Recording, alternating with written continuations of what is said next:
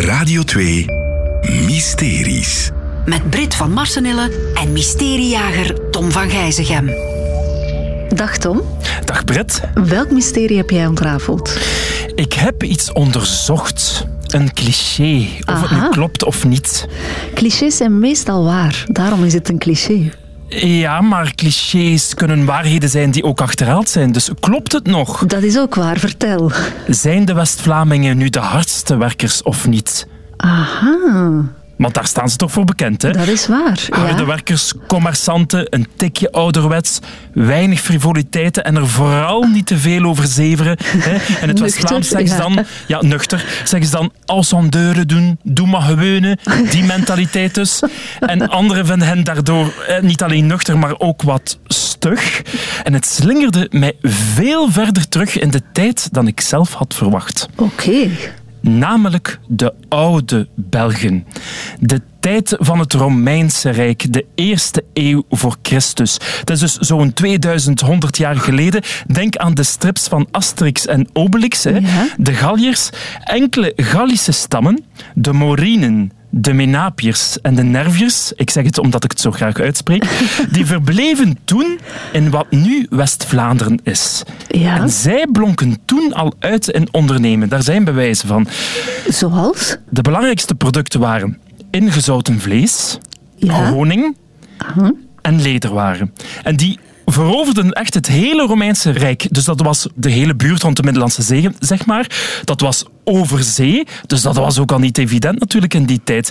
En nog een van de bekendste, of van de belangrijkste zal ik zeggen, dat bestaat zelfs nu nog. Dat is een weeftechniek van mantels.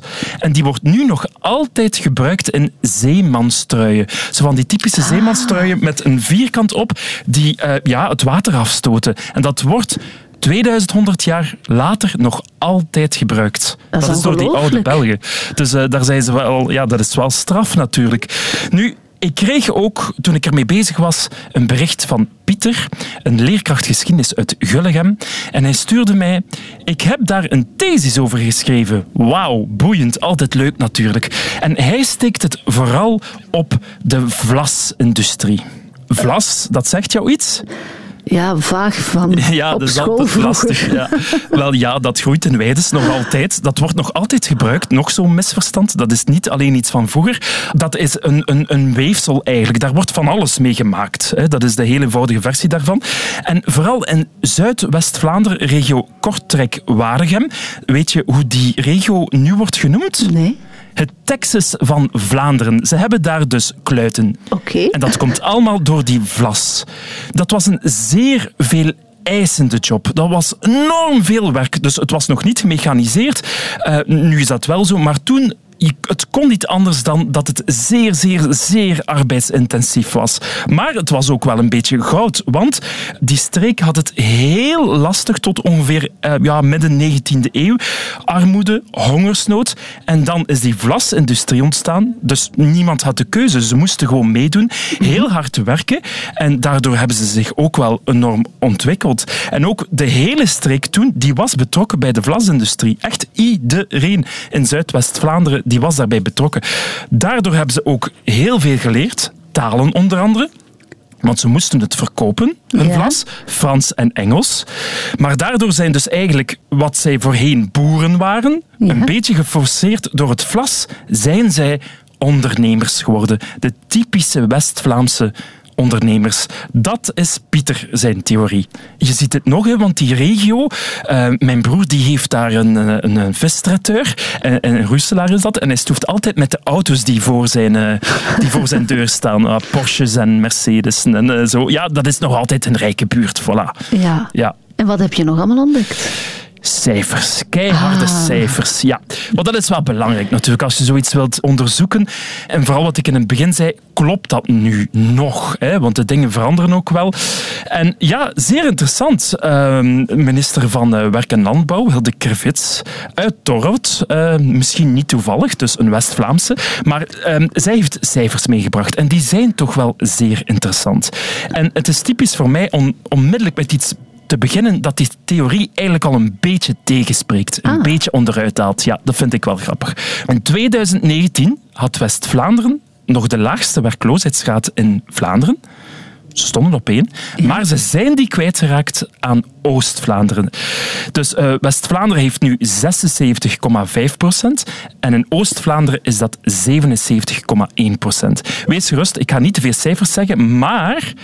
We zijn nog altijd tweede, maar we moeten wel nog een beetje bescheiden zijn, want dat behoort niet tot de top van Europa. Landen als Zweden, Nederland en Duitsland die hebben werkzaamheidsgraden van ongeveer 80 procent. Dus we ah. moeten ook wel een beetje, of niet te hoog van onze toren blazen. Hè? Ja.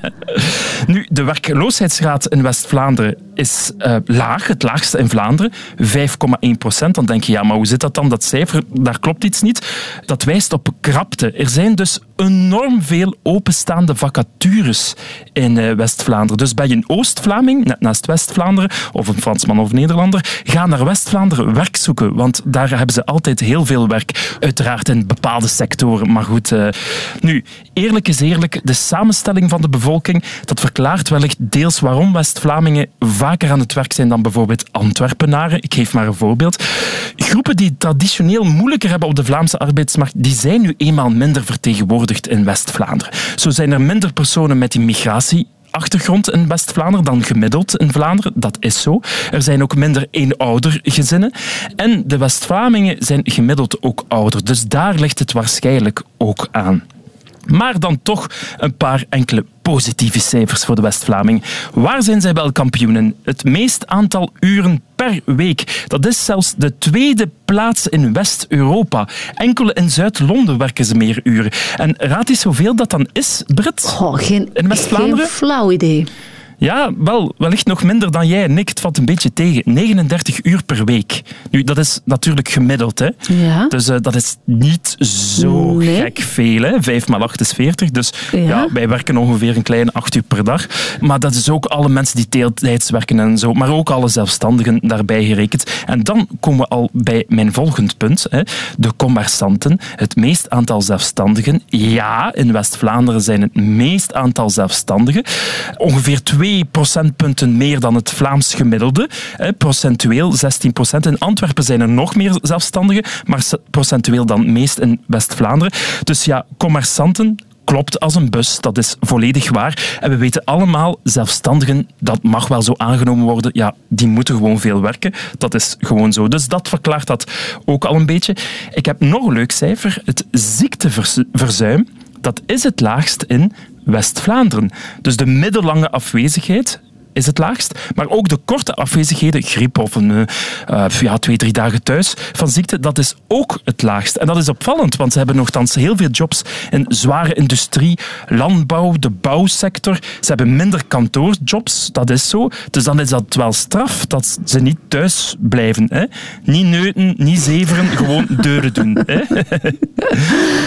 ze hebben ook het laagste aantal mensen die geen diploma halen. Dus het meeste aantal mensen die diploma halen, dat is beter gezegd.